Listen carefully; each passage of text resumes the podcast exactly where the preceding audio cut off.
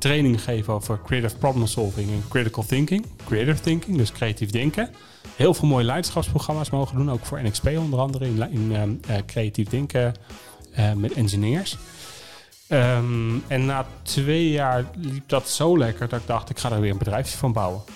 En Saskia Spinover, die had kennisclinics, die wilde daar vanaf. En toen heb ik haar gebeld. Ik zei, joh, kan ik het overnemen? Uh, dus toen ben ik zakelijke workshops.nl en kennisclinics heb ik overgenomen. En dat heb ik twee jaar gedaan totdat ik weer aan het managen was. En mijn noodlot mij weer gevonden had. En ik weer niet voor de groep stond. En toen was ik het weer zat, heb ik het weer verkocht. Mijn naam is Daniel Kuipers, eigenaar van Online Marketing Agency. In deze podcast heb ik het met Bart over goochelen, bouwen van een bedrijf en waarom consistentie zo belangrijk is. Eh, dat is wel leuk om mee te beginnen, Bart. Kan je even kort vertellen wie je bent, wat je doet en, uh, waarom je vandaag uh, hier zit? Ja, tof dat ik hier ben. Ik ben Bart van der Belt. Ik ben oprichter van de Zakelijke Succesgroep. Bestaat uit twee onderdelen. Opleider voor ondernemers en een netwerk voor ondernemers. Zakelijk Succes. En Business Coach Nederland. Licentieformule voor business coaches. Ja. En wij kennen... Trouw met Sanne. Ja. Zoontje van twee. Hond die regelmatig luistert. Dus tot zover. Ja. En we kennen elkaar nu twee jaar. Ja, twee tot vier jaar zoiets misschien. De oorsprong ligt misschien nog iets te, iets te lang verder terug. Hoe kennen we elkaar eigenlijk? Uh, hoe kennen we elkaar Dat is een goede vraag. Ik denk dat Pelle begon met teksten schrijven. Dat ik een tekstschrijver nodig had. Nee, Pelle is uiteindelijk via ons bij jou terechtgekomen. Ja, ja, dus ik denk dat ik zo... Uh, dat, ja, ik dat was het haakje ergens. Jij hebt volgens mij ooit teksten geschreven, denk ik. Ja, ik heb er nog een paar dagen bij jou op kantoor gezeten toen ook nog. Met, uh, In Sannenburg nog? Ja. Oh, grappig. Ja, klopt, ja. Met wat SEO-dingen, met, uh, met de strategie, URL-structuur, uh, dat soort dingen. Ja. ja. ja, mooi. Ja. En nu zitten we hier en nu zit je in je eigen pand. En nu zitten we hier. Lekker bezig, ja. 13 man. Ja, dus inderdaad is inderdaad snel gegaan. Um, ik, ik ga altijd voordat ik een podcast uh, ga doen, ga ik altijd natuurlijk research doen. En bij jou moest ik een beetje denken van ja, waar moet ik beginnen? En uh, dat vond ik wel een hele mooie. Want eigenlijk de mooiste die eigenlijk op mijn lijstje staat, was een, een vraag die ik had. Is hoe word je eerst op het Nederlands-Belgisch kampioenschap goochelen? Ah, dat is interessant. Ik ben, uh, ik ben uh, vijf jaar fulltime goochelaar geweest. Ja. Ik ben entertainer geweest, dat is mijn achtergrond. Vanaf mijn zeventiende was dat een soort escape uit mijn jeugd. Daar heb ik mijn talenten ontdekt. En toen ben ik gaan goochelen. En ik had drie keer meegedaan aan een wedstrijd. Ik was één keer was ik eerste geworden op Inventions. Op het Nederlands kampioenschap. En ik was twee, één keer tweede geworden en één keer derde geworden. En ik kon het niet hebben dat ik bij stage niet eerste was geworden, maar tweede was geworden. En toen dacht ik, um, uh, de, de, feedback was dat het technisch niet vernieuwend was als goochelaar. Maar mijn doel was entertainen. Dus toen dacht ik, oké, ik, ik, ga op zoek naar... waar is een wedstrijd waar ik voor, voor lekenpubliek mag spreken? Ze spelen, zeg maar. Ja. Uh, en dat was, een, uh, dat was een, een jury van onder andere Carrie Slee, kinderboekschrijver, en theaterdirecteuren. En daar ben ik één keer geweest en toen ben ik eerst geworden.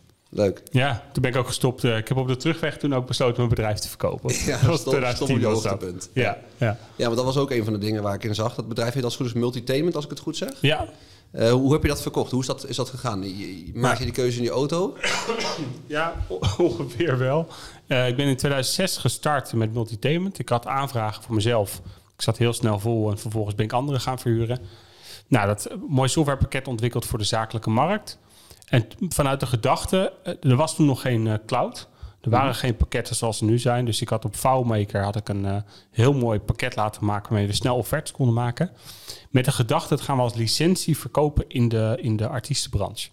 Nou, 20.000 euro was heel veel geld toen voor me. Ge, ge, geleend, erin gestopt. En toen het klaar was en wij het actief gebruikten en het op de markt wilden brengen, toen zeiden de developers: Ja, wacht even, vriend. Je hebt niet de intellectueel eigendom hiervan. Uh, Jij kan het wel bedacht hebben, maar wij hebben het gebouwd. Dus je mag het niet verkopen. Tenzij jij de helft aan ons geeft en dan willen we ook nog onderhoud doen. Ja, en toen dacht ik echt goede, goede gasten, maar toen dacht ik: Ja, dit ga ik niet doen. Dus toen had ik best wel wrang om door te gaan. Daar weerstand tegen.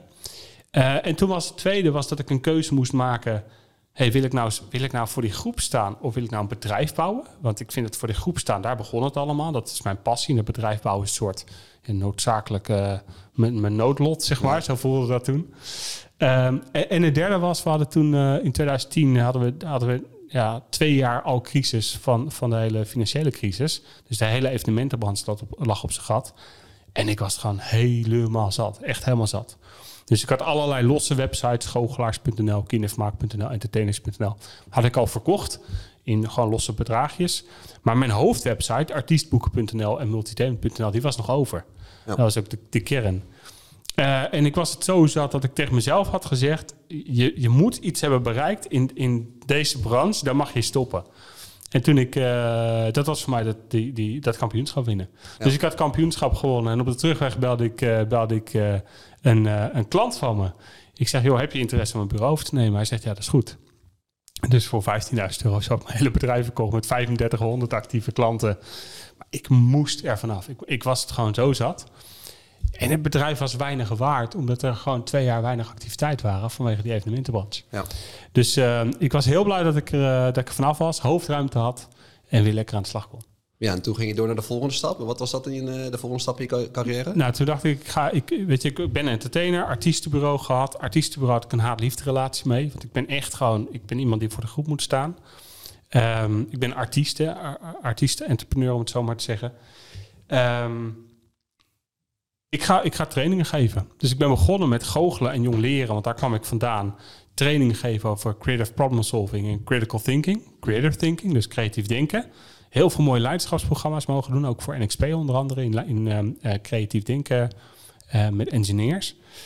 Um, en na twee jaar liep dat zo lekker dat ik dacht, ik ga er weer een bedrijfje van bouwen. En Saskia Spinover, die had kennisclinics, die wilde daar vanaf. En toen heb ik haar gebeld. Ik zei, joh, kan ik het overnemen? Uh, dus toen ben ik zakelijke workshops.nl en kennisclinics heb ik overgenomen.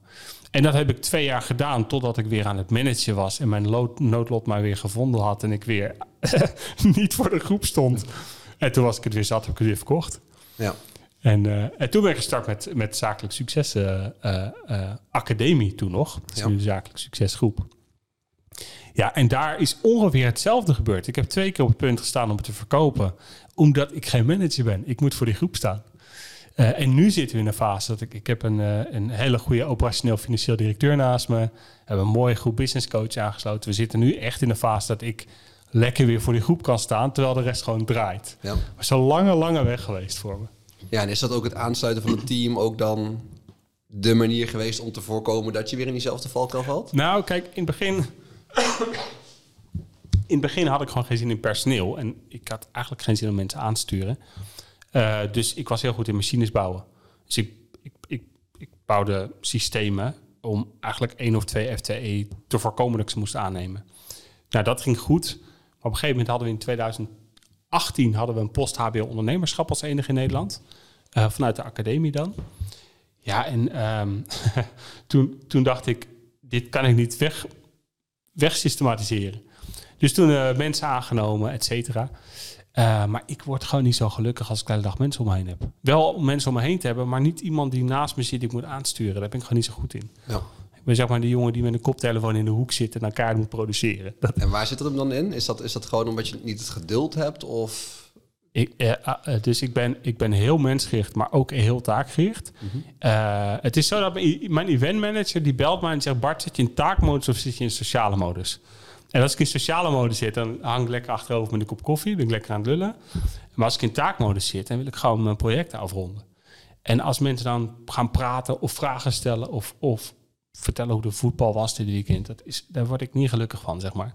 Dus uh, ik vind het heel leuk om bij mensen op bezoek te gaan. Ik vind, ik vind het leuk om mensen te connecten, om verbinding te leggen. Maar als ik wil produceren, dan moet ik echt produceren. Ja, het is ook mooi dat je het van, van jezelf weet. Ja. En ik denk ook dat... dat was een lange reis.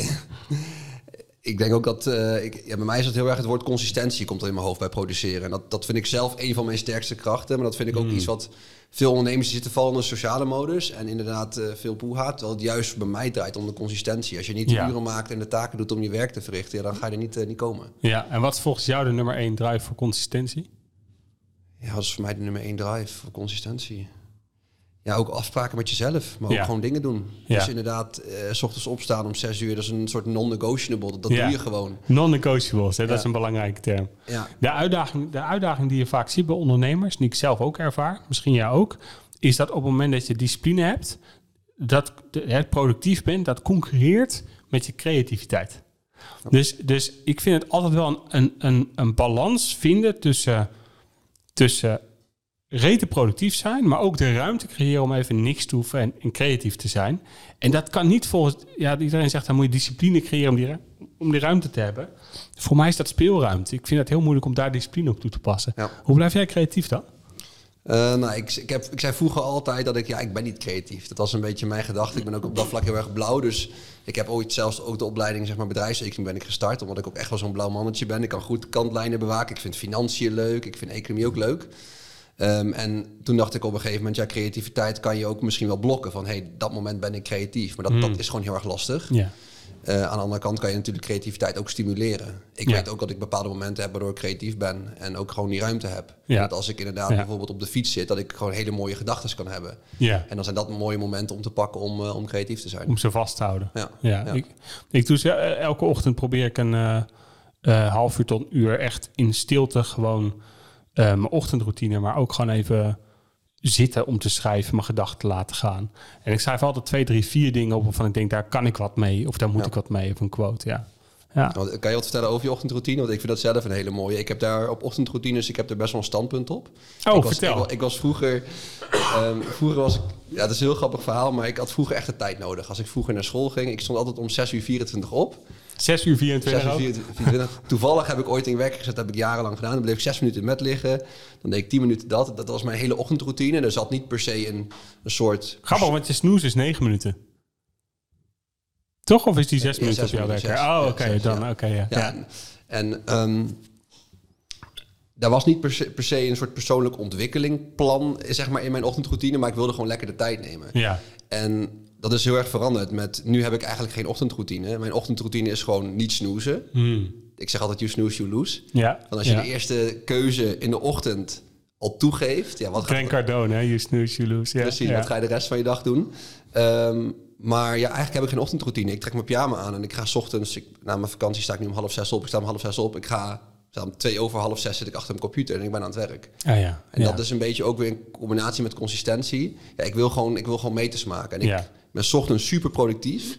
Ik vind het eigenlijk zonde om tien minuten dit te gaan doen, koude douche te pakken en dat soort dingen. Ik wil Ja. gewoon lekker eh, starten, zeg maar. Heb je kinderen? Nee. Nee, dat, dus toen ik, toen ik geen kinderen had, toen had ik best wel had ik een andere ochtendroutine als nu. Ja. Maar ik heb een zoontje nu 2,5 en dat verandert. Iedereen altijd, dat verandert je leven. Ik zei, nee, dat verandert je leven niet, maar het verandert echt je leven. Je hele Ja. manier hoe je naar je bedrijf kijkt, wat je doet, waar, waar je keuze maakt. Ehm, ik ben, mijn moeder is overleden in juni, nou, dat weet je.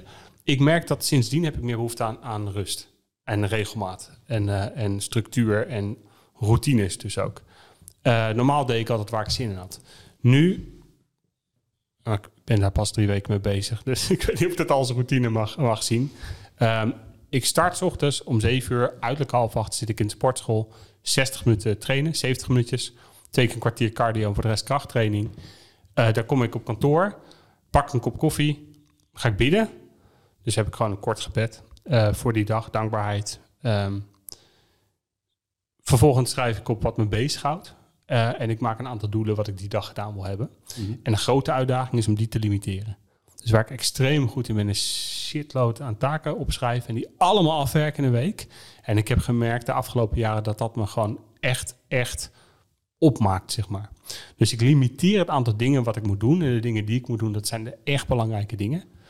Ehm, en dan start ik elke ochtend met een half uur schrijven. Dus ik wil een half uur iets schrijven over een onderwerp. Ik gebruik daar Ulysses voor. Heel fijne app. Ehm, ja, en dan heb ik eigenlijk, dan ben ik, mijn totale routine is ongeveer half tien, kwart voor tien start ik de dag pas. Ja. Dus om zeven uur, eh, zes uur, half zeven ga ik eruit. En om zeven uur eh, sportschool. Tot hoe laat ga je dan door? En ik voel me vrij om daar volledig van af te wijken trouwens. Ja. Eh, standaard eh, ben ik om vijf uur thuis. Eh, dus vroeger was het zo dat ik gewoon 60 uur, 70 uur per week werkte. Nu heb ik gezegd, mijn gezin is prioriteit. Dus ik wil vijf uur wil ik naar huis of thuis zijn. Ik kook graag. Dus ik ben vaak degene die kookt. Want ik vind het lekker om even wat met mijn handen te doen. Maar als ik een drukke dag heb, waarin ik, waarin ik veel produceer en weinig verbinding heb met mensen, die dagen heb ik ook, dan, dan meestal om half vier, vier heb ik het wel gezien. Dan ga ik even een rondje lopen, ga ik naar huis. Ik ben inmiddels zover dat ik niet meer mezelf dat uur, anderhalf uur ga pushen, omdat ik vind dat het moet. Ja. Dus ik gun mijzelf, eh, dus mijn leefstijl is een stuk relaxter geworden sinds, eh, de afgelopen twee jaar. Ja, maar ik denk ook inderdaad wat je zegt, dat ook dat het gezinssituatie een hele belangrijke factor daarbij is. Maar ook omdat je misschien de klappen van de zweep al kent. Ik, ik zit juist nog wel heel erg in die modus. Ehm, omdat, nou, jij zegt, zeg maar om tien uur begin ik.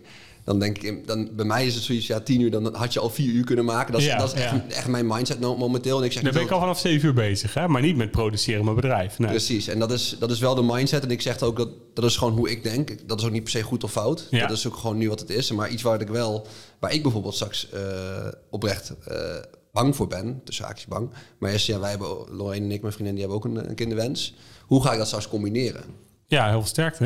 Ja, want- Bij mij, ik, heb een, ik ben een jaar, anderhalf jaar ben ik, eh, ben ik een soort van her, opnieuw gaan zoeken naar wat is mijn identiteit. Want mijn, ik, ik roep altijd succes voor de doeners. Elke klant van mij die je s'nachts wakker maakt, zegt succes, dan roept ze is voor de doeners.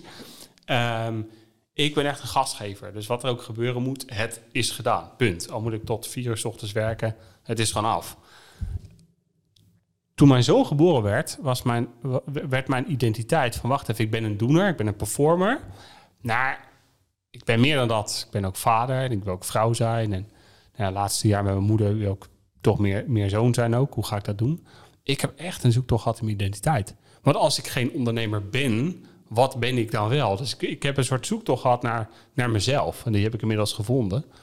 Ehm, dat heb je een aantal keren in je leven. En dat zijn vaak bij life moments. En voor mij was uh, geboorte van mijn zoontje was zo'n uh, leesmoment. We hebben er elf jaar uh, op gewacht. Ze hebben elf jaar over gedaan om een kindje te krijgen. Ja. ja, en toen hij er was, toen dacht ik, ja, wacht. Er is even niks belangrijker als dit. En wat daarbij komt ook... Ernest staat naast mij. En Ernest is, is... Wij zijn echt een goed aanvullend duo met elkaar. Dus het zit niet meer allemaal in mijn hoofd. Het zit niet meer in mijn rugzak. Het zit in systemen, in processen en bij mijn collega's. En dat maakt ook dat ik het leven, het leven kan leiden ook ik wil nu. Ja, en dan heb je ook de tijd om eens een keer een stap terug te doen. Uh, omdat ja, je kan focussen op die systemen of dan kan je op terugvallen. En je hebt iemand om eigenlijk de, het leed mee te delen, zeg maar. Ja, dan ja. heb je ook... Uh, ik herken dat ook zelf heel erg wel. Want ik was daar vroeger ook best wel veel van. Ik, ik heb vroeger bepaalde uh, sport gedaan, calisthenics. oh ja, ja. En toen, toen was ik echt een calisthenics sporter, zeg maar. Ja. En toen, uh, ik ben nu inmiddels nu vijf, vijf jaar veganistisch. Uh, dan had ik mezelf echt labeltje gegeven, ik ben veganist. Hmm. Terwijl dat gewoon een onderdeel is van het, Daniel zijn, of in jouw geval Bart zijn. Dus dat een keuze maken. Ja, ja, je bent Bart, maar je bent dus inderdaad vader. Je bent ondernemer, je bent zus. Ja, ja. Dat, dat, was voor mij ook een, een hele bewustwording van nee, je bent niet per se dat. Je bent gewoon jezelf en dat is een onderdeel daarvan. En, en alles waar je, waarvan je zegt ik ben, daar associeer je mee op identiteitsniveau. Dus als iemand zegt, ja, ja ik, ben, ik ben zwaar. Jij zei bijvoorbeeld net viel me op, ik ben blauw. Mm -hmm. En dus mijn eerste reactie, maar dan ga ik heel provocatief erin zitten. Ja, ja maar, nee, maar dan is logisch. Als iemand zegt, ik ben, zeg ik, ja, maar dan is logisch. Weet je wat, ja. wat er ook daarna komt. Uh, dus de vraag is, um, de, de grote vraag is, wat ben je? En wat heb je hier te doen? Ik heb jarenlang in mijn business gekeken. Ik denk dat wij, dat, dat ik als business coach thought leader ben in mijn business. In de dingen die ik ontwikkel, de dingen die ik schrijf, de zes boeken die ik heb geschreven, de pff, 300 artikelen. Nou, dus ik denk, ik denk dat ik best wel thought leader ben. Ik zie ook veel klanten die dingen van me overnemen. Daarom hebben we ook een licentieformule nu erbij. Um, maar waar ik achter ben gekomen is, mijn, mijn focus was altijd zo snel mogelijk financieel vrij. En ik kom er nu achter, maar dat is niet wat ik ben. Dat is wat ik aangeleerd heb gekregen vanuit de, vanuit de, de Amerikaanse financiële trainingen die ik heb gevolgd. Maar wat ik ben is iemand die gewoon een lekker leven wil hebben. En ik weet wat mijn dit is genoeg cijfer is. En daarboven wil ik gewoon relaxen. Dat klinkt een beetje, dat is niet het go-getter wat ik, wat ik vijf jaar geleden was. Maar het is zeer bevrijdend om in deze fase te zitten. Ja. Uh, ik noem het FOMO. The freedom of missing out. Ik vind het zo lekker om, om, de, om de vrijheid te hebben om dingen gewoon aan mij voorbij te laten gaan. Heerlijk. Was, was dat omslagpunt dan ook niet moeilijk voor je? Want dat kan ik voor mezelf ook heel erg um, voorstellen. Ik ben ook dus echt een doener. Ik, ja, wat ik al zei, consistentie. Als je op een gegeven moment dat toch een stukje los moet gaan laten van... hé, hey, ik, ik, wil die vrijheid. Hoe, hoe, was dat, uh, hoe was dat voor je? Dat is heel geleidelijk gegaan, denk ik. Dus niet, niet een keuze, nu wil ik meer vrijheid, dat ga ik doen. Want je hebt allemaal oude patronen erin. En, en als je geen identiteit hebt, identiteit staat bovenaan, daaronder heb je je waardesysteem, daaronder heb je overtuigingen, dan heb je kenniskunde en gedrag. Maar, maar uh, identiteit en waarde, en waarde en overtuigingen, dat is eigenlijk een drie-eenheid. Dus mijn waardesysteem was, ik wil succesvol zijn, ik wil succes, zakelijk succes. Ik zou mijn bedrijf niet opnieuw zo noemen als ik hem nu zou starten. Eh, maar het vertelt wel wat we, wat we ondernemers bieden. Dus het waardesysteem wat ik had is veranderd in de afgelopen jaren. En dat komt door een aantal live events. Een van mijn beste vriendinnen eh, overleed op haar dertigste in 2020. Zoontje werd geboren. Eh, na twee verbouwingen vertelde ik iets over. Mijn moeder die nu is overleden. Een bedrijf wat 100% op zijn gat gegaan en opnieuw uitgevonden moest worden in de afgelopen twee jaar. Ja, dat soort live events, dat zorgt ervoor dat je gewoon denkt, hé, maar wacht even, waarom ben ik zo aan het voegen? Waarom ben ik zo hard aan het werken? Ik wilde voor mijn 35ste financieel vrij zijn. Ik, ja, waarom? Als ik 40 ben, is het ook goed. Ja. Ja. dus het, dus eh, eh, dat geeft heel veel lucht. En ook voor, voor wie doe je het ook? Dat is ook iets wat ik mezelf Ja. ook heel goed besef. Is, ik heb altijd bij heel veel dingen, ik heb mezelf aangeleerd, als ik iets wil doen of iets zou willen doen, stel ik mezelf altijd de vraag. eh, stel, Sorry. hoe short erbij. Stel dat ik nu in mijn eentje op een onbewoond eiland zou zitten, zou ik het dan doen? En dat is een soort vraag die ik mezelf altijd stel. Eh, en als Echt? het antwoord ja is, dan, dan ga ik ervoor. En als ik zeg van nee, denk ik niet, dan is het eigenlijk voor mij als soort. Dan doe ik het misschien voor iemand anders. Dus als jij in je eentje op een online, op een, op een, op een onbewoond eiland zou zitten, zou jij een marketing agency stap starten? Nou, Als ik op een onbewoond eiland zit, dan zou ik zeker bezig zijn met marketing. Dan zou ik, als stel dat ik bijvoorbeeld intent zou hebben, mijn eigen business online hebben. Dan zou ik veel actief zijn bezig met sporten. Ja, dat, dat soort dingen zeker. En Ja. die vraag stel ik me ook zelf regelmatig. Ja. Van, hey, zit ik nog op het goede pad? En als het antwoord ja is, dan is het voor mij ook eh, Ja. goed op dat moment. Ja. Ik had vroeger, je, je had, je hebt, iedereen heeft wel eens gehoord van, de, van die oefening van Stephen Covey. Hè? Wat wil je dat mensen om je heen zeggen op je eigen begrafenis? Nou, ik vond dat nooit zo relevant. Dus ik stelde mijzelf altijd de vraag, wat wil ik over mijzelf kunnen zeggen op mijn begrafenis? Dus jij stelt de onbewoond eiland vraag. Ik vertel over wat wil ik over, op mijn eigen begrafenis zeggen. En ik wilde toen altijd zeggen, ik heb alles eruit gehaald in het leven. Nu als ik eh, nadenk, denk ik, wat wil ik dat mijn zoontje zegt als hij 18 is en wat verband wil ik hebben met hem? En, en het antwoord daarop is, ik wil dat hij terugkijkt op een vader die altijd emotioneel beschikbaar is geweest. En dat is bo- bovenaan mijn prioriteitenlijst, boven al het andere. Dus alle keuzes die ik maak, werden vijf jaar geleden werden bepaald door wat wil ik over mezelf zeggen? Ben ik een go-getter? Ben ik een doener?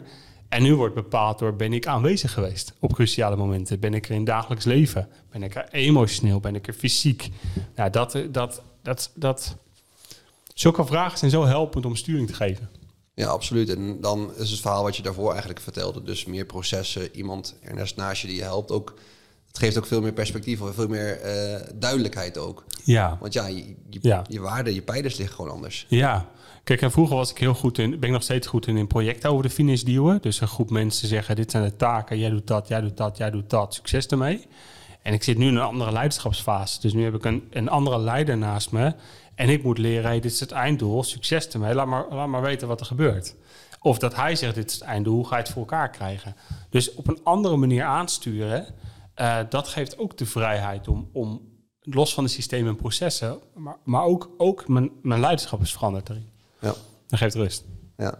ja, mooi hoe je de ontwikkeling bent ben doorgegaan. Ja, we hadden net al even over ehm, zakelijk succes. Eh, nou ja, je zei net al zes boeken geschreven, meerdere bedrijven. Eh, dat vond ik ook wel fascinerend. Want hoe doe je dat soort dingen allemaal tegelijk? Eh, Je gaf aan, je, bent je bent een doener. dus, dus waarschijnlijk door te doen. Dat is heel Gewoon werken. Gewoon, maar wat is dan de specifieke vraag? Goed. Ehm, nou ja, ik weet zelf hoe druk je kan zijn met het runnen van een business. Eh, nou, ik heb zelf dan een nieuw e-book geschreven afgelopen kwartaal. Ik ben die nieuwe ben ik aan het eh, refreshen of domineer Google is een van onze succesvolste. Is inmiddels 4000 keer gedownload. Dus hier ben ik Lekker een bezig. nieuwe refresh aan het geven. Ja, Maar ja, uiteindelijk heb je ook maar twee handen. ja, Eh, hoe heb jij dat ervaren? ja. Dus, dus ehm, Brian Tracy zegt altijd, ehm, als je werkt, werk dan. Dus als ik acht uur op kantoor ben, acht uur lang, dan ben ik 7,5 uur aan het werk. Dus ik ben niet social media aan het checken, weet dan ben ik 7,5 uur aan het produceren. Daarom is het vaak om half vier ook op, omdat ik gewoon consistent heb geproduceerd. Maar dan heb ik ook echt heel veel, heb ik meer voor elkaar gekregen als anderen in, in eh, drie dagen. Ernest zegt wel eens tegen me, joh Bart, jouw werkethiek is, is ehm, ehm, hoe zegt hij daar, niet schrikwekkend, maar dat, dat kan mensen afschrikken. Jouw eigen teamleden schrikt het af, omdat je, ja... Dus dat is één. Ik, als ik werk, werk ik. En ik werk gewoon. En, en veel ook. Eh, eh, maar ik kies wanneer ik werk. Dus dat is de eerste. Het tweede is, ik heb een vrij grote hefboom. Dus ik heb, ik heb ehm, de, de eerste jaar van mijn leven, kijk, als ik ergens spreek, ik ben natuurlijk spreker van beroep. Ik sta 20 jaar voor groepen nu. Als ik ergens spreek, krijg ik afhankelijk waar ik spreek tussen de 2.000 en 3000 euro voor een lezing van een uur. Als ik een dag ergens sta, is het 4000 euro. Uh, dus dat, daar heb je best wel een hefboomwerking. Als iemand dan voor 50 euro per uur inhuurt, dan kun je hem... Uh, jij bent beter in het huis dan ik. Ja. Ik ben heel geel, dus ik kan er niks aan doen. 20, 30 uur. Zo, nee, veel meer. Je kan iemand uh, 10, 20, 80 uur inhuren als ik één keer voor een ergens een dag sta. Dus die hefboomwerking is zo groot eh, nou is de uitdaging dat ik zeven jaar lang elke euro die ik verdiende heb teruggestopt in mijn bedrijf. En er moet nu een moment komen dat ik zeg, oké, het staat nu, het is goed Bart, je hoeft niet meer te bouwen, ga maar even lekker bouwen door zo. Um, maar dat helpt. Bijvoorbeeld online marketingmachine. Ja, ja, dat is geen vernieuwend boek zoals, uh, zoals, uh, zoals Tony heeft geschreven met de marketing tornado waar alles in zit. Ook een heel goed boek. Dit was gewoon een training in een boek. Dus mijn gedachte was, ik heb heel veel mensen die in de bijstand zitten of in de VIA die niet kunnen betalen een training bij me. Koop het boek, volg het stappenplan en je hebt hem. Ja, hoe heb ik dat boek geschreven? Dat is heel simpel. Ik heb een stuk of twintig blogs geschreven van 2 tot 5000 woorden. Toen heb ik Heidi Albrecht gebeld. Ik zeg, Heidi, kun je voor mij hier een boek van maken? Hij zei, ja hoor, dat kan ik. En die heeft aan elkaar geschreven. Van Durenmanagement gebeld. En is een boek geworden. Ja. Uh, dus, dus ja, daar zit dan best wel... Dus een, bijvoorbeeld, iedereen wil een boek schrijven. Een boek van 50.000 woorden is takken veel werk. Niet te doen.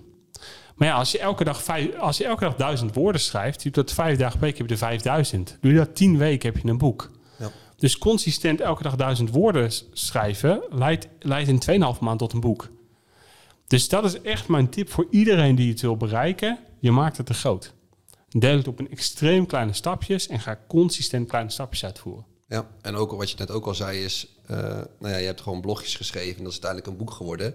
Dat werkt natuurlijk ook andersom. Als jij een boek schrijft, dat kunnen ook blogjes worden. En dat is ook een beetje het, uh, ja, dat was het voorbeeld ook weer van IMU, de Content Bakery, om al die content op unieke manieren te, te verdelen. Ik heb zelf bijvoorbeeld ook Dominic Google, die heb ik net geüpdate. Die is nu 150 A4'tjes volgens mij, e-book. 150 A4'tjes? Ja, dat zijn alleen maar blogjes. Nou ja, ik heb er nu afgelopen vier jaar, ik denk 300 geschreven.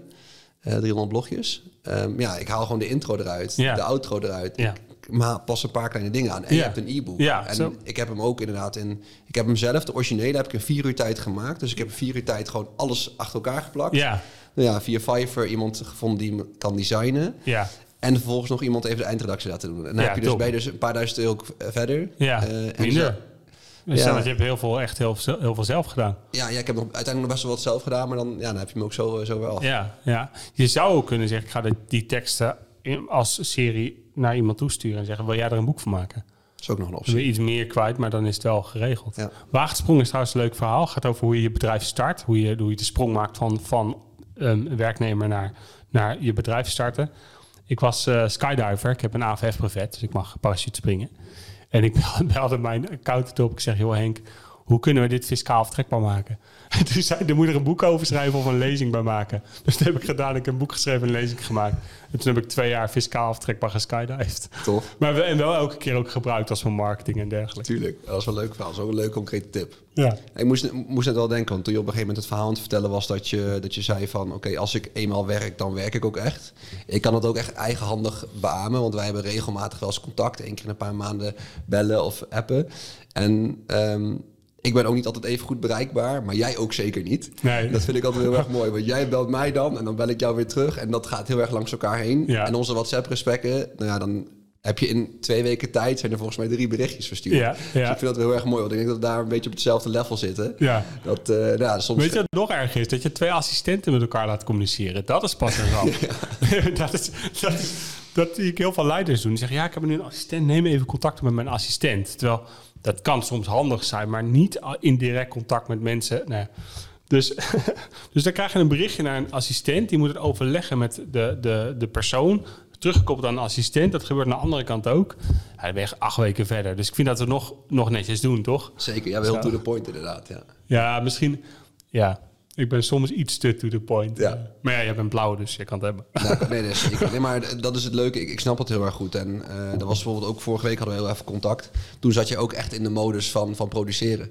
Want dan op een gegeven moment... eh, Ja, dan, eh, dan bel ik echt met zo'n pick your brain vraag. Of ik denk, ja, eigenlijk is het knullig om hem te bellen. Maar jij weet het beter dan ik. En dan Ja. is, is het echt, ik heb een vraag, dit is het, yo, door. Ja, en toen, toen maakte ik de fout er nog even heel iets eromheen te vertellen. En toen, eh, toen was leuk. Maar, dat, maar Tot zover relaties bouwen. Maar het leuke is, ik begrijp dat. Want, want ik, ik, ik heb ook die momenten, zeg maar. Ik vind het ook fijn dat ik soms ook gewoon meters kan maken. En dus ik, ja, ik heb dat zelf eigenhandig, zeg maar, zo ook zo ervaren. Ja, ja. Nee, maar dat is, kijk, dus, dus de, het ding is, dat is niet erg in relaties. Maar op het moment dat je ergens mentaal moet zijn, ben je dan ook mentaal en emotioneel. Ja. Dus dat is wel ook een tip die ik meegeef aan mensen die rete productief zijn. Ga wel de echte verbinding aan op het moment dat het erom draait, zeg maar. Dus als ik bij een klant kom, ben ik bij de klant. Gaat mijn telefoon uit, ik ben nergens anders dan bij de klant. Eh, dus wees wel waar je bent. En ga niet zeg maar, je productiviteit als een soort slechte vervanger gebruiken voor verbinding of relatie. Dat is wel een belangrijk. Dat heb ik in het verleden wel gedaan. En, en hoe schakel je dan tussen die momenten? Want die momenten die, ja, die zijn ook natuurlijk, kan je een volle dag inplannen om productief te zijn. Maar het kan ook zo zijn dat je 's ochtends productief moet zijn en 's middags een meeting hebt. Heb je daar voor jezelf nog een soort tip of een hack of een truc? Ja, wat mij wel helpt is dat ik vrij daadkrachtig ben. En onder stress ben ik 98 van de 100 in daadkracht. Ehm, dus, dus ik maak een keuze wat het doel is van mijn belletje. Dus als mijn doel is van mijn belletje om bij te praten... Oké, heb je even tijd? Ik vind het leuk om even bij te praten. Maar als mijn doel is van mijn belletje om een, om een antwoord te krijgen... dan bel ik jij, Daniel, mag je wat vragen? Dat mag, dit is mijn vraag. Oké, bedankt. En na drie minuten kunnen we allebei weer door en ben ik heel erg geholpen. Dus, en dat vinden heel veel, heel veel ondernemers vinden dat spannend. Want die denken, alles moet sociaal zijn. Wij zijn natuurlijk extreem Nederlands hè, hierin. Dat moet ik ook wel zeggen. Ehm, eh, maar, maar ik denk als de relatie goed is, mag je juist vaak gewoon kort op de bal zijn. Maar de, de, de randvaarde is wel dat de relatie moet zijn. Zeker. Eh, dus ja, weet je, als je een klant belt met een vraag, bel de klant met een vraag. En ga niet twee uur lopen praten over zijn hond en eh, we- weet ik het. Tuurlijk is het leuk, maar hey, ik ben even niet hoe het met je gaat. Maar daarna gelijk de reden dat je bel is dit. Ja. Kijk, tot zover Nederlands ondernemen 101. Dit is Ja. echt typisch Nederlands. dit. Ja, we, we hadden vroeger één klant, en ik ga het ook ook niet noemen. Was, verder, ik vond het echt een hele sympathieke vent. Ik vond het een leuke vent. Maar, ik voel zo maar. maar als hij belde, dan daar, daar kwam hij niet vanaf. En op een gegeven Oh moment ja, zei ik ook. Ik noem hem even Pietje, van hey, Pietje, ja, ik zei, ik moet echt door. Zegt hij, nee, dat maakt me niet uit. Ik zei, ik moest even jou bellen. Dat zit, maar dan wel op een oude hoer manier. Ik zei, nee, het kan echt niet. Hij zei, nee, dat zei de vorige keer ook. Ik zei, ja, maar de vorige keer stond ook een klant voor de deur. Ja, En, maar ja, dan moet je gewoon heel, heel kort in zijn. En ook op een gegeven moment ben ik daar ook wel eerlijk al in geweest. Maar dat was de eerste paar keren voor mij ook onwennig. Weet je, Ja. ik net begonnen, dan vond ik wel moeilijk om daarmee om te gaan. ja het, ik, ik vind dat een van de, van de grootste dingen die ik heb moeten leren in mijn leiderschap. Dat is niet altijd beschikbaar zijn. Ik vind het zo moeilijk om voor mijn klanten ook niet altijd beschikbaar te zijn. En te horen dat Danielle of Jessica of dat iemand anders iets heeft opgevolgd. Als ik niet weet hoe het is gebeurd. Vind ik heel moeilijk nog steeds wel eens. Maar ik denk, ja, maar zou je het ook zo kunnen doen? En elke keer zeg ik, nee, loslaten, loslaten, loslaten. Ze kunnen het beter als jij. Want op het moment dat je er zelf instapt, dan, dan, dan grootste fout die ik maak, is dat ik nog steeds mijn klanten bel met mijn 06-nummer. Ja. Wat niet erg is, want ik hou van mijn klanten. En, en de meeste zou, zouden zo mijn vrienden kunnen zijn. Alleen vervolgens word je wel meerdere keren per week gebeld door onbekende nummers met allerlei vragen. Ja. Maar van acte, jij ook. Ja. Dat is herkenbaar. Ehm, je noemde het even tussen, tussen neuslippen door het woord stress. Ik vind dat zelf echt iets super interessants. Eh, toen ik vroeger eh, begon met werken, dacht ik dat stress iets is van buitenaf wat impact op je heeft. Alleen, ehm, ja, ik heb een soort eigen definitie voor stress inmiddels gegeven. Dat je bijvoorbeeld op dat moment geen keuze hebt, bijvoorbeeld. Ja, wat voor mij een hele mooie is als ik stress heb, is om te beseffen dat ik altijd een keuze heb. Want ik doe dit omdat ik dat leuk vind. ja. Dus dat, dat is mijn manier eigenlijk omgaan met stress. Ehm, hoe, hoe is dat voor jou? Wat is jouw definitie van stress? Ehm, voor mij is stress de afwezigheid van energie en plezier. Dat is stress voor mij. Dus, dus ehm, kijk, je hebt twee soorten stress. Je hebt eustress en distress. Verschillende hormonen worden geactiveerd. Eustress is de positieve stress waardoor je in de flow eh, komt. Ehm, distress is negatieve stress waardoor je denkt, oh help, ik verzuip. Dat zijn twee verschillende soorten stress. Eustress is heel wenselijk, want het zorgt dat je lekker in de flow bent en doorgaat. Distress, distress maakt je gewoon echt heel erg moe.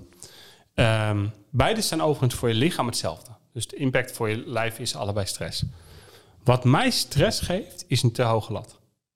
Ik heb zo'n hoge lat, terwijl de omstandigheden, de prioriteit en het waardesysteem waarin ik nu in zit, ehm, zorgen dat ik hele heldere keuzes moet maken. Dus voor mij is de belangrijkste manier om, om eh, mijn stress te verlagen, is te zeggen, Bart, wat is de keuze die je maakt? Je kan niet alles tegelijkertijd. Je moet keuzes maken. En dat is waar de meeste ondernemers misgaan. Ze willen alles voor iedereen altijd zijn. Dit is zo belangrijk als je stress wil verminderen. Voor, voor als je luistert. Er kan maar één ding het nummer één zijn. Er, kan niet, er kunnen niet twee dingen op nummer één staan. Dus je moet ten alle tijden één ding kiezen waar je op dat moment voor kiest. En dat geeft mij heel veel ruimte om, om, om mijn stress te verminderen. Want, want ik zeg dus, dat noem ik dan freedom of missing out. Ik kies ervoor om dat anderen nu niet te doen. Ik kies ervoor om hier nu mijn focus bij te... En dat, dat verlaagt mijn lat en dat zorgt ervoor dat ik minder stress heb. Ja. Vind ik al een hele mooie um, om vanuit dat perspectief te zien. Want ik merk wel dat iedereen's definitie van stress is vaak heel erg verschillend. Dat vind ik heel fascinerend. Want iedereen kan bijna wel omschrijven wat geluk is. Mm. Iets waar ze blij van worden. Maar stress is echt voor zoveel mensen is dat, is dat anders. Ja. En ik vind het ook heel leuk om met ondernemers, maar ook met team daar gewoon over te hebben. Van, ja, hoe ziet jij dat? Bijvoorbeeld, uh, ik word bijvoorbeeld niet gestrest van een hele lange takenlijst. Ik word mm. ochtends zelfs op maandag wakker. Heb ik 50 dingen op mijn bordje liggen. Ja. En waarschijnlijk tien kan ik er meteen wegzetten. Uh, Tien moet ik een mailtje sturen. Maar dat, dat vind ik fijn. En begin dan bij de grootste taak of bij de kleinste? Uh, ik begin mijn dag zeker met wat kleine taakjes in mijn dus mailbox. Juist quick wins, geeft ja. een lekker gevoel. Precies, dat, is, dat merk ik. Ik heb ook zeker bijvoorbeeld als ik echt een dag heb gepland om iets te doen voor een boekhouddag. Dan ga ik eerst de facturen versturen. Want vind ik, ja, ik vind facturen versturen wel leuk, maar het werk vind ik niet leuk. Hmm. Ehm, maar in principe vind ik het juist chill om kleine overwinningen te hebben en ook meteen in die flow te komen. Want mijn beste manier om in de flow te komen is gewoon door te werken. Ja, nou ja, door taken, door te zien dat je progressie maakt, taken af te ronden, zeg maar. En dat is ook een ding wat je gaat leiden naar eustress. Als je taakgericht bent, niet als je mensgericht, maar als, als je heel taakgericht bent, gaat, gaat leiden naar eustress, positieve stress flow, is kleine taakjes snel afronden. Dus ik heb mijzelf, ik heb, gebruik nu niet meer Wunderlist, hè? dat is nu Microsoft To Do. Ja. ja, dat is een heerlijke plingeltje, weet je wat ik bedoel? Pling. Ja. Nou, ik had mijzelf getraind, als ik dat hoor, dan bam, kwamen er gelijk allerlei, werd ik heel blij, werd ik gelukkig, kon ik weer door, zeg maar. Ja. Um, voor mij is het wel zo dat ik, dus ik kan niet gestrest zijn, maar ook ongelukkig zijn tegelijkertijd in mijn werk. Dus er zijn momenten dat ik niet gestrest ben en ongelukkig. En ik heb voor mezelf gemerkt, als ik een ideale dag heb, moet ik aan drie dingen voldoen. Ik moet, moet productief geweest zijn. Dus ik moet een, een deliverable hebben opgeleverd voor mezelf. Ik, eh, dus dat is eigenlijk ook creatief geweest zijn. Ik moet verbinding hebben gehad met iemand. Dus een leuk gesprek of ergens of voor een groep gestaan of iets. Ehm, ehm, en het liefst ook iets declarabels hebben gedaan voor mezelf. Dus gisteren was echt een heerlijke dag lezing geven, s ochtends, voor een mooie groep docenten van Aventus, 180 man. Hele leuke club. Uh, daarna geluncht ergens. Daarna nog even een e-book die ik af wilde maken, afronden. Ja, dat, dan, dat is mijn dag, dag echt een tien. En dan kom ik thuis en dan roept mijn zoontje papa. En mijn, en mijn vrouw zegt al, wat fijn dat je er bent. Een blaffende hond met een blijkwispelende staart en wind door mijn haren. nee, maar dat, dan denk ik echt al, dat is echt een heerlijke dag. Ja. Voor mij is um, um, geluk een belangrijke KPI dan mijn resultaten. Dus heb ik de, hoeveel dagen deze week heb ik zulke dagen gehad? Mhm. Dat vind ik heel belangrijk in mijn, in, mijn meet, in mijn meting van succes. En wat is dan jou, voor jou geluk? Want ik merk zelf ook dat... Um, Afwezigheid van stress. Nee, je merkt ook dat. Nee, maar dat, kan, dat kan een definitie zijn. Want dat, dat merkte ik ook eens toen ik ook weer begon met, uh, uh, met mijn eigen onderneming. Uh, ik had op het begin heel snel heel veel geluk. Hey, we hadden ja. een paar mooie klanten. Lassie als klant geland. Ja. het ging goed. De volgende stap gemaakt. goede projectmanagement tool. Dat was heel snel geluk. Alleen toen dacht ik, ja, ik hang mijn geluk nu wel heel erg af van mijn werk. En dat is voor mm. mij heel belangrijk. Ik kan heel gelukkig worden van een nieuwe klant of van een nieuwe ontwikkeling. Maar er is daarnaast ook nog veel meer dan geluk. dan om gelukkig van te worden. Maar ik merk bijvoorbeeld ook dat elke dag helemaal hoog op de boter gelukkig zijn, is ook een utopie. Hmm. Ik heb ook soms dat ik gewoon een dag heb dat ik inderdaad gewoon heel productief ben, gewoon een goede dag heb gehad, lekker heb gesport, s'avonds nog wat dingen heb gedaan. Heb ik die dag echt heel veel geluk gehad? Nee, maar dat was wel een goede dag. Hmm. Um, Wat is geluk voor jou dan? Ja, geluk bestaat voor mij eigenlijk uit meerdere dingen. Ik denk ook een stukje voldoening. Uh, dat is voor mij eigenlijk een hele makkelijk, want ik kan heel snel voldoen, voldoening halen door productief te zijn. Um, ja, je hebt natuurlijk kleine geluksmomentjes, uh, dingen voor jezelf kopen, maar dat is wel korte termijn uh, geluk. Dus Ehm, ja, ik kan geluk misschien niet ideaal omschrijven, maar het is voor mij eigenlijk een, een opeenstapeling van dingen Ja. die bijdragen aan een, eh, aan een positief iets. Ja, ja. Ik vind geluk altijd een, een, een, een, ehm, een interessant thema. Ik heb mijn hele leven als kind geprobeerd om mijn moeder gelukkig te maken. Dat lukte mij nooit. Ik heb mijn vader op een gegeven moment gevraagd, een paar jaar of wat geleden, toen had hij net een, eh, een dissectie gehad aan zijn aorta. Dat was echt zo'n moment dat ik dacht, ik moet nu de vraag stellen aan hem. En toen zei ik, pap, wat is voor jou geluk? En toen zei hij, nou, als ik, als ik, als ik het gemiddeld een 7 kan geven, met af, af en toe een uitschieten naar 9. En toen dacht ik, toen zat ik nog heel erg in de succesgoeroe-modus. Toen dacht ik, ja, maar dit is, weet je, als dat je definitie is van geluk, weet je wel, dan, dan, dan alles moet op zijn. Weet je, geluk is op een mooi strand liggen, weet je, dat je financieel vrij bent. eh, Dat is geluk, dacht ik toen.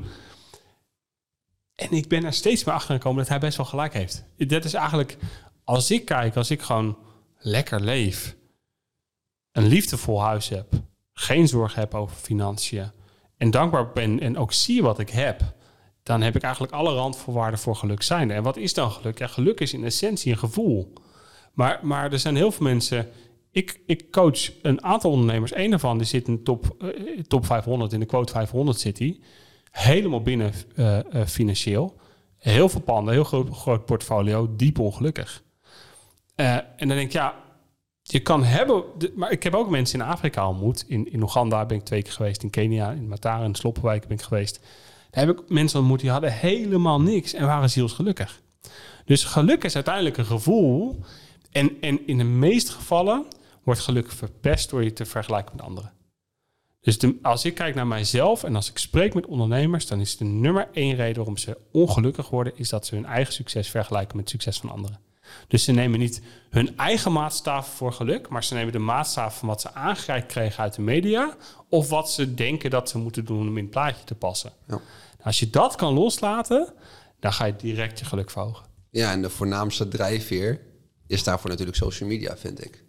Dat vind ik ook een mooie bruggetje Ja. naar, de, naar de- een van de vragen die ik ook had. Ik ben zelf nu sinds 2018 of 2019 heb ik eigenlijk alle social media kanalen, de apps van mijn telefoon gegooid. Eh, omdat ik daar gewoon geen afleiding van wilde hebben. Dat heb ik dat één of twee jaar heb ik dat volgehouden. Ehm, en nu nog steeds heb ik niet de apps op mijn telefoon staan. Ik gebruik Instagram wel wel weer, omdat ik het belangrijk vind om mijn team in de gaten te houden. Om te kijken wat ze doen. Om als ze op maandag op de zaak komen en ik zie dat, eh, dat eh, Nick weer iets leuks heeft gedaan met zijn familie om daarop in te haken. Daar vind ik belangrijk voor en voor klanten. Want zo is die. Ja, zo is die. Maar anders had ik ook eh, Instagram ook bijna niet gebruikt. Maar ik gebruik heel bewust gebruik ik hem in Chrome. Waardoor het gebruik echt verschrikkelijk is. Dus dat je eigenlijk zo snel mogelijk weer van die app weg wil. Ehm, maar op social media is natuurlijk met name het vergelijken echt onder vergrootglas gaan, gaan liggen. Ja, En ik ja. zag ook dat jij een bericht had geplaatst dat je ook ging stoppen met Instagram. Ja, joh, ik heb, weet je, Instagram. Laat ik, laat ik allereerst zeggen dat ik een takkenhekel heb aan Facebook, aan Meta. Ik heb echt een gruwelijke hekel aan Facebook. Hoe zij omgaan met data, hoe ze omgaan met mensen. Het klopt niet. Probleem, het is de makkelijkste en de goedkoopste manier om klanten te krijgen. Dat is waarom ze ook, ook zo goed doen financieel. Dus, dus ik heb een haat-liefde relatie met Facebook. Ik vind het heerlijk in mijn marketing. Ik vind het zeer problematisch om al mijn data maar aan hun cadeau te geven. En dat ze één e-mailadres honderdduizend keer verkopen. Ehm, eh, of weggeven. Oh, nou, echt. Dus op een gegeven moment zat ik op Instagram. Ik ben niet zo'n frequente poster. Ik heb een takhekel aan social media. Maar ja, je moet erop. En weet je, ik zag, ik zag oud-klanten van mij, Tibor bijvoorbeeld, die zie ik dan de- strak 30.000 volgers hebben op Instagram. En dan zie ik allemaal mensen omheen van, die, waar ik respect voor heb, van ik denk, die doen het zoveel beter als ik. Daar ligt niet mijn kracht. Dus op een gegeven moment, nou, dan moet je dat uitbesteden. ZZP'er ingehuurd, 1000 euro per maand, ga maar lekker posten. Kwaliteit, ja, oké. Ja, en toen kwam die update van Instagram. Ja, we gaan eh, inzetten op Reels. Dacht ik, oh ja, gaan ze dit weer kopiëren? Fuck it, ik stop ermee. Dus toen heb ik een post geplaatst. Ik ben gestopt met Instagram. Als je inhoud wil hebben, volg me op LinkedIn. Ik ga niet winnen op frequenties. Omdat ik gewoon, ik, ik heb, het is gewoon, ik word er niet gelukkig van. En het leven is te kort om, om, om consistent dingen te doen waar je ongelukkig van wordt. Dus ik ben nu gestart met een Bartcast op LinkedIn. Ik ben nu echt hele persoonlijke dingen over mijn leven geschreven. Onder de naam Bartcast. Er komt ook een podcast bij. Die helemaal niet gaat over business. Gaat over het leven. Gaat over leiderschap. Gaat over dingen die mij boeien. Uh, ga ik straks ook de Bartcast noemen. En ehm, ehm, ik heb volgens mij nu vier dingen. Ik heb nul reclame gemaakt. Helemaal niks. Maar ik heb volgens mij vier artikels geschreven. En ik heb 1100, 1100 mensen die dat nu hebben. Nee, ik heb weet ik niet, 30.000 mensen die het hebben gelezen, maar 1100 mensen die consistent dat elke week willen lezen. Ja. Ik denk, ja, je moet doen waar je kracht ligt. Focus waar je kracht ligt. Dat is echt voor ondernemers die zelf het gezicht zijn helemaal. Doe datgene waar je gelukkig van wordt en waar je goed in bent. Dat is ook het enige wat je kan volhouden namelijk. Ja, je kan inderdaad beter één ding goed doen dan, dan drie dingen half. Ja, En het is ook, dat heb ik zelf ook ervaren. Het is heel makkelijk om zeg maar één ding echt te domineren. En vanuit daaruit principes mee te nemen naar een ander platform. ja. Van hey, dit werkt goed, zou dat daar ook werken? Of hey, ik heb me het zo eigenhandig gemaakt. Ik ben van A naar B op die manier gegaan. Dat ga ik met een ander platform ook Ja. proberen. ja. Dan inderdaad te zeggen, ja, ik wil op Insta wil ik dit, dan wil ik op YouTube wil ik zo en dan op LinkedIn. Maar het ding is ook, de meeste mensen denken, ja, als ik op social media zit, dan krijg ik klanten. Degene die op Instagram klanten krijgt, zijn de mensen die of adverteren en serieus geld verspijkeren daar, die geld uitgeven daar, of het zijn de influencers die vier, vijf uur per dag de hele dag reels maken en weet ik het. Dat zijn de mensen die geld verdienen op Instagram. Als je denkt dat je door regelmatig te posten klanten krijgt op Instagram, heb je het gewoon mis. De enige manier om klanten te krijgen via social media is ze te leiden naar een plek waar ze ergens kunnen converteren. Ja. Dus, dus het, is, het is branding, is het vooral in veel gevallen. Als ik kijk naar de enige wat ook al 20 jaar consistent werkt in mijn business, B2B, mijn persoonlijke Bart van der Belten website, dat is gewoon SEO. Dat werkt al 20 jaar SEO op mijn landingspagina's. Dat, nou, daarom ben ik ook klant bij je. Ehm, voor, voor zakelijk succes, B2C-propositie, waar de consument zelf moet kiezen, ja, dat is echt een ander, ander verhaal. Daar moet ik posten, daar moet ik zichtbaar zijn, daar moet ik mijn merk laten zien, daar moet ik e-mailadres in een funnel, mensen verder helpen in een funnel. Dat is wat ik daar te doen heb. Maar als ik kijk naar B2B, dan B2B-markt is ook veel makkelijker. Ja. Schrijft 30 landingspagina's, zet er een AdWords-campagne op en je hebt klanten. Dat is niet ingewikkeld, zeg maar. Ehm, en dat is voor mij ook wel een, een reden geweest dat ik ook op een gegeven moment heb gezegd: moet ik verder met de zakelijk succesgroep? Omdat ik het op een gegeven moment zat was om, om te moeten voldoen aan de Instagram-maatstaven. Ja. En sinds ik daarmee gestopt ben en gewoon weer lekker whitepapers aan het schrijven ben en een verschil aan het maken, heb ik echt weer plezier erin. Ja, en daar hoort ook zeker, zeker een stukje consistentie meer bij. Want voor social moet je zeker consistent zijn om het algoritme te, te voeden. Alleen, eh, en dat zit misschien ook een beetje in jouw aard, dat denk ik ook in mijn, mijn aard, is als je op SEO of whitepaper consistent bent, dan pluk je daar overmorgen en volgende week nog de vruchten Ja. van. En dat is gewoon heel, eh, heel veel, geeft heel veel voldoening. En dat is ook waarom YouTube, voor mij YouTube en LinkedIn zijn mijn kanalen. Als ik iets, ik heb video's van zes jaar geleden op, die ik op YouTube heb gezet, die nu nog steeds eh, vragen beantwoorden van klanten. Ja. Dus die kan ik doorsturen, die kan ik inzetten, die zet ik in mijn funnels. En ik geloof echt in content die lang blijft. Ja. Eh, Content die over vijf jaar nog steeds meegaat. Dat is wel leuk, want ik heb ook naar een YouTube-kanaal gekeken. Ik heb natuurlijk voor dit gesprek even alle kanalen bekeken. En daar viel me wel één ding echt, echt heel erg op. Is dat de video's die je gemaakt hebt met volgens mij SEO in je gedachten... Ja, dat die video's het vele malen beter doen. klopt. Want ik bijvoorbeeld, eh, ik, ik heb er één gezien over verkooptechnieken. Die was drie of vier jaar oud, heeft duizenden views. Ja. En eigenlijk alles wat op basis was van, van SEO, Ja. daar zag je gewoon dat je het heel goed deed. Ja, maar YouTube is gewoon ook een zoekmachine. Dus, ah, dus dat is ook een onderdeel van de strategie. Maar ik wil even wat dingetjes nog gefixt hebben voordat ik dat weer op gang ga brengen. Ehm, is misschien wel leuk, met de grootste fout die ik heb gemaakt in mijn bedrijf afgelopen jaar, zou ik zo met je delen. En vertel ik waarom ik dit nu zeg. Ik, ik heb een paar dingen die ik gewoon even structureel op weer, weer op orde wil brengen in mijn bedrijf. Qua content flow, qua lead nurture flows. Iedereen die zegt, ah, je hebt geen lead nurture funnels nodig, want eh, dat is dood. Je moet daar een directe conversie gaan. Ja, dat is prima. Maar mijn ervaring is dat, dat de uit, in de longtail is uiteindelijk een lead nurture funnel levert veel meer op dan alleen de korte verkoop. Is mijn ervaring. Waarom zeg ik dit? Waar hadden we het over? Ja, je ging jouw eh, grootste fuck-up zeg maar, in je bedrijf, wilde je delen? Oh ja, oh ja. Ik ga straks weer als, als de basis eh, afgerond is waar we nu mee bezig zijn met het project. Dan ga ik gewoon weer lekker elke week video's maken op YouTube. Op SEO. Ik heb nog steeds een video over spinselling. Als je googelt op spinselling komt mijn... Dus ik maak een video, ik laat er een blog bij schrijven in een landingspagina. Dat is wat ik meestal doe. Die post ik allemaal, die link ik aan elkaar en dan hebben we een mooi, mooi een driehoekje van content. Ik heb gewoon nog steeds... Ik heb nu een klus bij een hele mooie, echt fantastische consultieorganisatie in de zorg binnen. Waar ik hun, eh, hun ehm, senior adviseurs aan het trainen ben. In, eh in waardegedreven verkopen. Supermooie klus, mooie club. Via een video over spinselling. Ze zochten op een video spinzeiling, kwamen bij mij. Er stond een linkje onder. Hey, vind dit interessant, ga naar de training. Steed een aanvraag voor een dagtraining en nu zit ik in een traject met ze.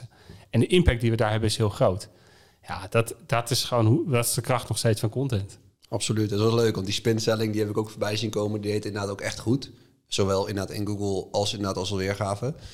Dus ja, dat is inderdaad zeker mooi. En dat is ook, je zei net ook zo fan dat, dat je zo fan bent van SEO. Dat is ook hetgene waarom ik nog steeds fan ben van SEO. Het, het werkt gewoon jaren voor je. Ja, Dat en, is- het, en het heeft ook, weet je, de, de- het mooie is dat de mensen op zoek naar, zijn naar iets. En je ze kan helpen in hun behoeften en een antwoord kan geven op waar ze naar op zoek zijn. En de ene keer is dat iets waar ze niet voor betalen, de andere keer wel. Ja, dat is gewoon, eh, dat is gewoon te gek. De, de, dat starter-stappenplan wat we hebben gemaakt, ja, dat is voor starters. Maar de mensen die downloaden, die hebben zo'n die, hebben zo'n zoektocht in... oh, ik moet een bedrijf starten, wat moet ik doen? KVK, weet ik het. En dan maak je één keer een whitepaper van volgens mij 13 of 14 pagina's. En de komende 10 jaar... want het zijn niet dingen die veranderd zijn de afgelopen 10 jaar... de komende 10 jaar kunnen we daar mensen mee helpen. Ja, en dit, wat, hoeveel werk is dat? Een dag werk of zo? Ja, zo makkelijk kan het zijn. Ja, ja dat, en dat vind ik tof aan content. Ja, zeker. En ook als je dan ook weer vanuit SEO daar wil naar gaan kijken, kan je daar ook een, eh, een ja, lange SEO-tekst onderschrijven. Dus op het zoekterm checklist starters. Nou, dan kan je een stukje advertenties op gaan draaien, Facebook. Je kan zoveel dingen ermee. Ja, En eh, dat vind ik ook heel veel vaak met SEO en online marketing. Mensen maken het heel vaak te groot. Terwijl het inderdaad gewoon neerkomt op veel content creëren op een consistente manier. en recyclen. Ja, Dus ik heb, ik heb nu mijn zes boeken, heb ik aan een, vier daarvan, daar heb ik aan een marketeer gegeven, joh, wil jij hier tekst voor maken? Ja, die haalt de tekst eruit. Soms lees ik ze even door en pas wat aan. En nu kunnen we weer doorgaan met, met de funnel bouwen. We zijn nu een lead nurture funnel van 52 weken aan het bouwen. Ik zeg, maar dat ben ik gewoon. Ehm, ehm, 52 weken. Ja, wat ik doe is, ik kijk naar artikelen die ik heb. Ik schrijf een heel persoonlijke inleiding en ik verwijs naar een artikel. Ja, komen ze drie keer op een artikel met drie keer dezelfde prikkel, dan de vierde keer handelen ze op die prikkel, want ze hebben het gezien. Dit, dat, nou ja, en het is één keer, dat vind ik het mooie nog steeds, het is één keer opzetten en niet meer naar omkijken. ja. ja dat is echt de kracht van, van. van SEO en, en e-mail marketing. Ehm, ja, Bart, ik vond het echt een super inspirerende podcast. Eh, zou je nog even kunnen delen waar mensen jou kunnen vinden? Op welke, welke kanalen nu? Ja, op LinkedIn. Ja, Zoek even Bart van den Belt. Connect met me, leuk. Eh Bartcast eh, zou je kunnen, kunnen bekijken. Ik heb een eigen podcast, eh, Zakelijk Succes Podcast. En ehm, op zakelijksucces.nl hebben we een, een masterclass of een... een eh, ehm, zo. Ga je nog editen of niet? Je gaat niet editen aan zeker. het einde, aan het einde van de podcast. ik heb hem. Ik wil twaalf dingen tegelijk vertellen. Nee, als je naar zakelijk succes gaat, we hebben elke zes weken een masterclass en vier keer per jaar voor de startende ondernemers in de eerste twee jaar een ZZP bootcamp. Dat is wel echt heel tof. Dat is nieuw. Dat is een hele dag training in commerciële vaardigheden voor 125 euro. Ja. En dat is onze kennismaking. Gaaf. Ja, Dat, eh, die gaan we linken in de, in de omschrijving. tof. Dankjewel. Jij bedankt. Ik vond het leuk om hier te zijn. En Leuk. ik mag nog even zeggen, we kennen elkaar nu een aantal jaar, maar ik heb echt super veel respect voor wat je hebt gebouwd in zo'n korte tijd. Echt, echt top. Dankjewel, is leuk om te horen. Yes. Bedankt voor het luisteren naar de Daniel Kuipers podcast. Als je een toffe podcast vond, volg dan mijn Spotify kanaal, laat een review achter. En mocht je meer willen weten over OMA, ga dan naar onlinemarketingagency.nl.